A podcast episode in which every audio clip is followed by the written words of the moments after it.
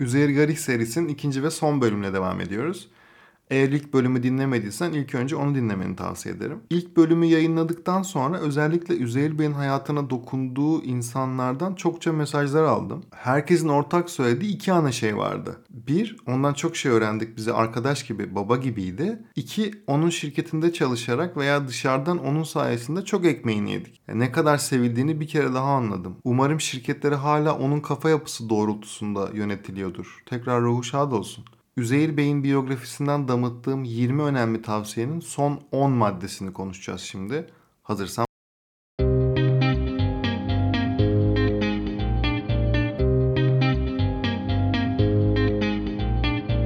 Merhaba, ben Hakan Şık. Fikrin ne kadar önemli ve aslında ne kadar da önemsiz olduğunu konuşacağımız podcast serisi Bedava Fikre hoş geldin.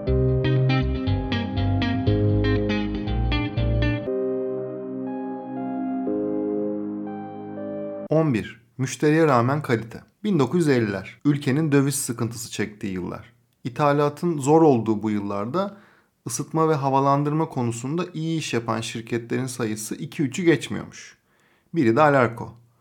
İstanbul'un seçkin semtlerinin birinde kaliteli bir sinema salonu yaptırmaya tasarlayan biri Üzeyir Garihi ve ekibini çağırıyor. İşte sinemanın ısıtma ve havalandırma tesisatını onların yapmasını istiyor. Aynı tarihlerde de ülkenin önde gelen moda evlerinden biri de Beyoğlu'nda yapmayı planladıkları bir işte moda satış merkezinin ısıtma ve havalandırma işlerini yine onların yapmasını istiyor. Neyse iki işi de gerektiği gibi layığıyla tamamlamışlar. Bir gün sinemanın sahibi Üzeyir Beyleri çağırıyor çatıda belediye ile ilgili bir sorun olduğunu ve çatıdaki hava emiş kanalını işte yarı ölçüye indirmelerini falan istiyor. Bunun üzerine Üzeyir Beyler bu durumda sinemanın balkon kısmının havasız kalacağını ve aşırı ısınacağını söylemiş ve bu konuda sinema sahibini uyarmışlar. Ama sinemanın sahibi böyle bir durum olsa dahi onları sorumlu tutmayacaklarını ve bu konuda da bir işte yazılı mektup vermişler ve bu işi yapmalarını istemişler.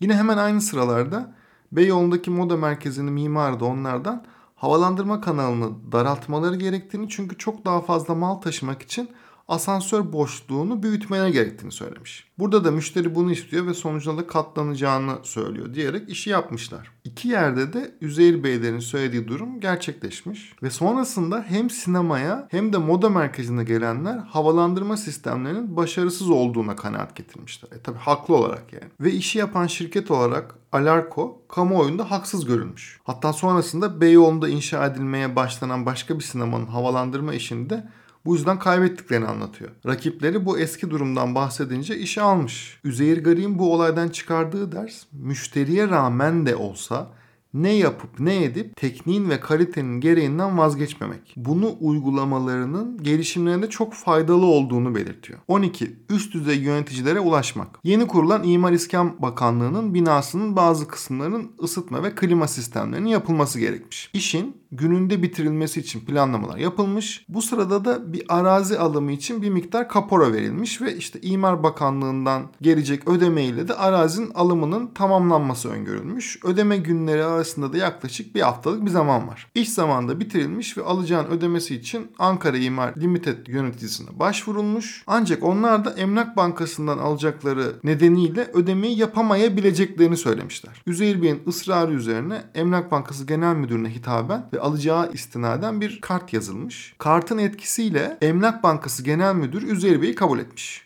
Ancak alaycı bir kahkaha ile bu konuyu bakanla konuşmasını önermiş. Üzeyir Bey sabah saat 8'de bakanlığın önüne gidiyor bunun üzerine. Durumu anlatmış özel kalem müdürüne. Demokrat Parti'nin de sıkıntılı zamanları. Saat 11 gibi bakanın yanına girebilmiş. Üzeyir Bey'in ilk defa bir bakanla karşılaşması. Odada 10 civarında kişi. Masanın arkasında beyaz gömlekli, koyu gözlüklerin arkasından yüzüne bile bakmadan söyle demiş bakan. Üzeyir Bey de durumu ve alacakları olduğunu ve parayı gününde alamazlarsa ticari şöhretlerinin zedeleneceğini ve buna layık olmadıklarını anlatmış. Bakan başını kaldırmış, gözlüğünü alnına doğru itip Üzeyir Bey'e çok gençmişsin çık dışarı demiş. Üzeyir Bey donmuş kalmış. Ne yapacağını bilememiş en başta. Sonra kapıdan çıkacakken tam eli kapı tokmağındayken dışarıda bekle demiş bakan. Akşam üzeri dörde kadar beklemiş. Herhalde bakan beni unuttu diye düşünmüş. Sonra özel kalem müdürünün telefonu çalmış ve içeri buyur etmişler. Odada iki kişi daha varmış sadece girdiğinde. Bakan gayet ciddi bir tonla şunları söylemiş. Bana bak delikanlı. Bizler bu ülkenin başında oldukça kimsenin hakkı yenmez. Kimsenin ticari itibariyle oynanmaz. Bunu böyle bil.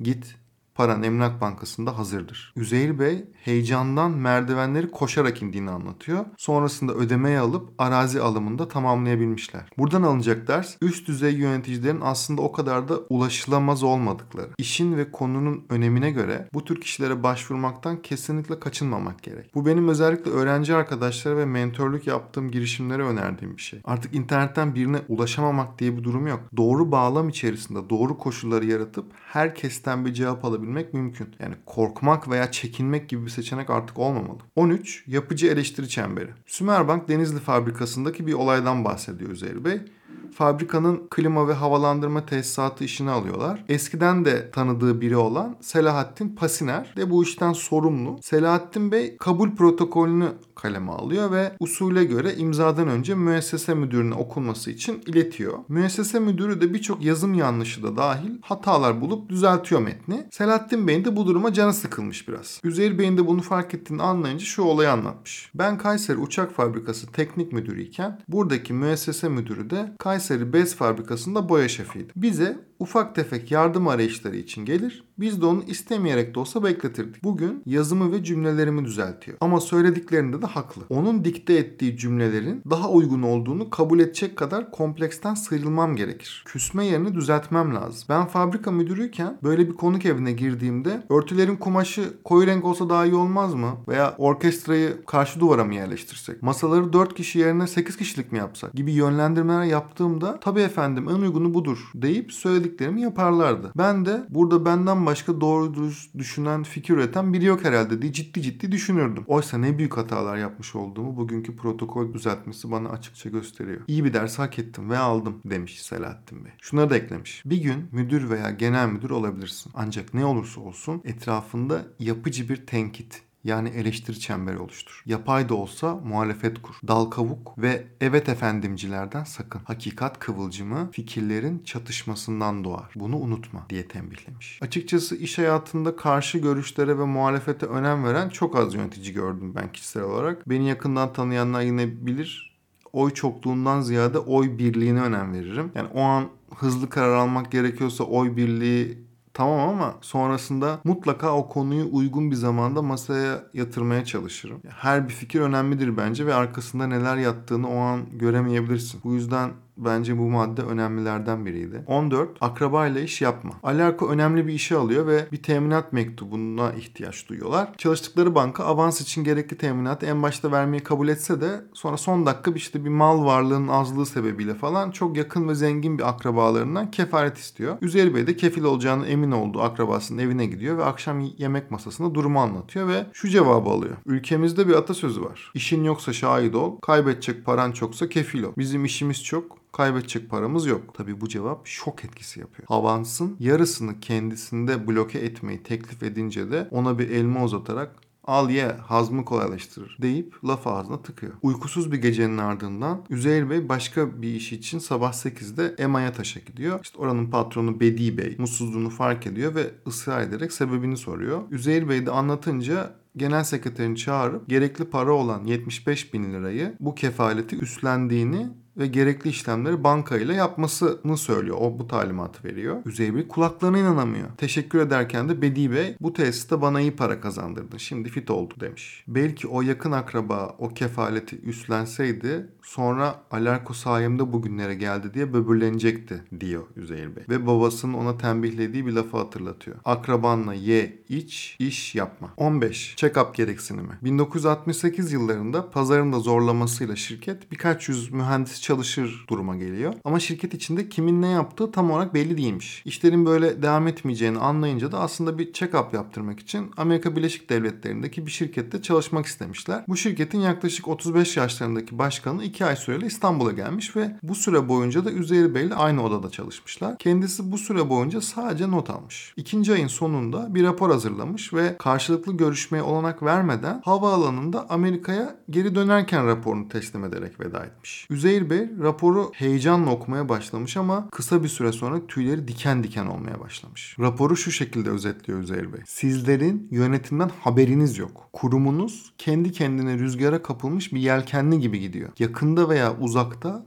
kayalara çarpması kaçınılmazdır. Rapor adeta tokat etkisi yapıyor. İlk tepki reddetmek tabi. Ama oturup sakin kafayla okuyunca yazılanların doğru olduğunu anlamış. Sağlıklı görünüm ve para bolluğunun gerçek hastalığı gölgelediğini anlıyor Üzeyir Bey. Sonrasında hatta bu yetkiliyle görüşmek üzere Amerika Birleşik Devletleri'ne gidiyor ve tedavi yollarını araştırmaya koyuluyorlar. Check-up her şirketin hatta her organizasyonun gereksinimi ve bunu mutlaka dışarıdan bir göz yapmalı ve bu gözün söyledikleri dikkate alınmalı. Tabi bu kişinin tecrübesi ve bilgisi de çok önemli. Üzeri Bey'den bunu anlıyoruz. 16. İncirlik üstünde iş yapmak. 1960'larda İncirlik Hava Üssü'ndeki Amerikan polis barakaları için bir ihaleye giriyorlar. Bu işi alabilmek için işi yapma gücü, referanslar vesaire gibi konularda oldukça geniş detaylar vererek işe göre de çok ucuz bir teklif veriyorlar. Yaklaşık 1 milyon dolar gibi bir fiyat ama anladığımız kadarıyla bu iş için düşük bir bütçeymiş. Neyse sonra Amerikalı bir yüzbaşı telefonla şirketi arayarak hiçbir taahhüt vesaire olmadan Ankara'ya bir davette bulunuyor. Heyecanla gidiyor atlayıp ilk otobüse. Telefonda konuştukları genç yüzbaşı ile bu sefer yüz yüze konuşurlarken yüzbaşı fiyatları irdelemeye başlıyor ve bazı bütçeleri yükseltmeyi teklif ediyor. Üzeyir Bey'in söylediğine göre bu bütçeler zaman darlığı nedeniyle tahmini koydukları kalemler. E tabi herkesin düşüneceği gibi yüzbaşının amacının fiyatları yükseltip ihaleyi rakibe vermek olduğunu düşünmüş Üzeyir Bey. Ama görüşmenin sonunda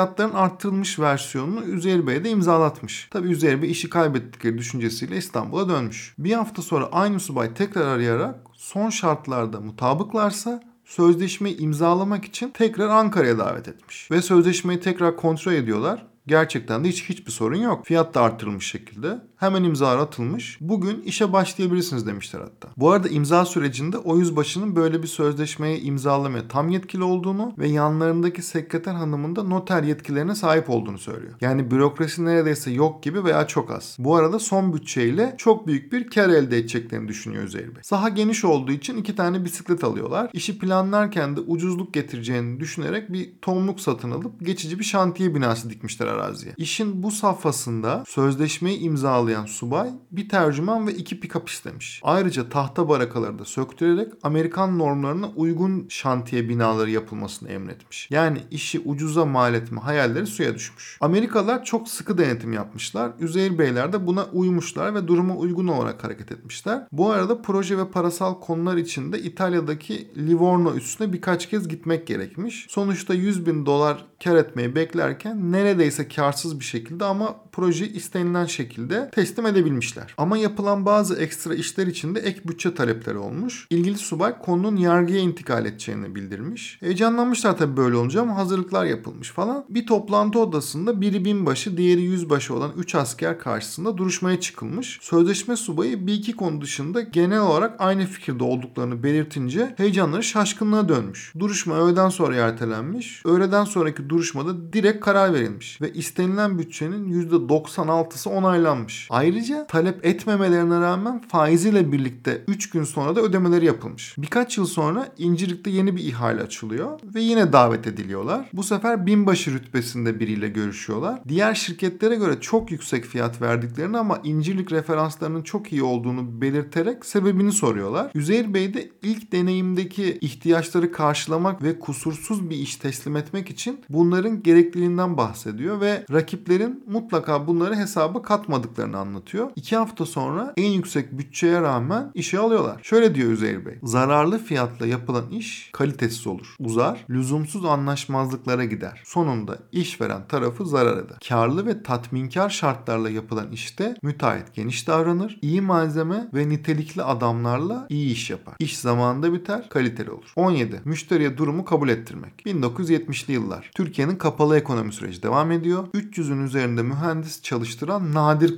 kurumlardan alar. İsimleri ve namları da işte fabrika yapan fabrika gibi falan ünler kazanmışlar. Sattıkları bir ürün piyasanın en kalitelisiymiş. Dolayısıyla fiyatı da rakiplere göre yüksekmiş. Stratejik bir karar almışlar ve nakit fazlaları da olduğu için bu ürünün fiyatını maliyetin altına düşürmüşler. Satışlar arttıkça doğal olarak zararları da artmış. Ama ürünleri piyasada yaygınlaşacağı için müşteriler bir süre sonra fiyat artsa bile o kaliteye alıştıkları için rakibe gitmemişler. Üzeyir Bey'in önerisi ürününüz pazarın en iyisi ise zarar pahasına müşteriye durumu kabul ettirin. Yapacağınız en verimli yatırım budur. Bence bunu verdiğin bir hizmete veya çalıştığın şirketteki duruma bile uygulayabilirsin. 18. Almanlarla iş yaparken dikkat. Üzeyir Bey yaşadığı bir deneyim sonucu her ülke kültürünün ve hukukunun farklı olduğunu bu yüzden dikkatli olmak gerektiğinden bahsediyor. Örneğin benzer bir işte hem Almanlarla hem Japonlarla çalışmışlar. Almanlar uluslararası bir anlaşmadaki kurumlar vergisinin alarkoya yıkma yolunu tercih ederlerken Japonlar ise benzer bir durumda hiç böyle bir şeyden bahsetmemişler. Her detayın sözleşmeye eklenmesi ve tecrübeli hukukçularla çalışmanın kıymetini anlıyor bu noktada. 19. Kendini tanımak. Hep konuştuğumuz konu. Kişisel farkındalık, özünü bilmek, kendini tanımak. Üzeyir Bey kendimizin fiziksel, fizyolojik, zihinsel, psikolojik ve entelektüel özelliklerimizin bir envanterini yapmamız gerektiğini söylüyor aslında. Özellikle üniversite öğrencilerinin yaşamlarında bunun çok önemli olduğunu vurguluyor. Ama bence her dönem için geçerli bu. Özellikle de sivil toplum kuruluşları ve derneklerin bu özellikleri yakından anlamak için faydalı olabileceğini belirtiyor Üzergari. Ben biraz nedenini bulmak gibi bakıyorum buna. Hatta Bedava Fikrin ilk bölümlerinden birinde bu konuyu konuşmuştuk. 2020'nin sorusu neden diye bir bölüm var. Eğer o bölümü dinlemediysen ve kendini bulma konusunda zorluklar yaşadığını düşünüyorsan bence o bölüme dönebilirsin. Ben bile bazen o bölümü dönüp neler demiştim diye bakıyorum. Muhtemelen güncelliğini hiç yitirmeyecek bölümlerden biri. 20. Başarıyı sağlayan temel unsurlar. Son ve belki de en önemli maddelerden biri. Üzeyir Bey'in fikirlerine çok önem verdiğini söylediği bir iş insanı var.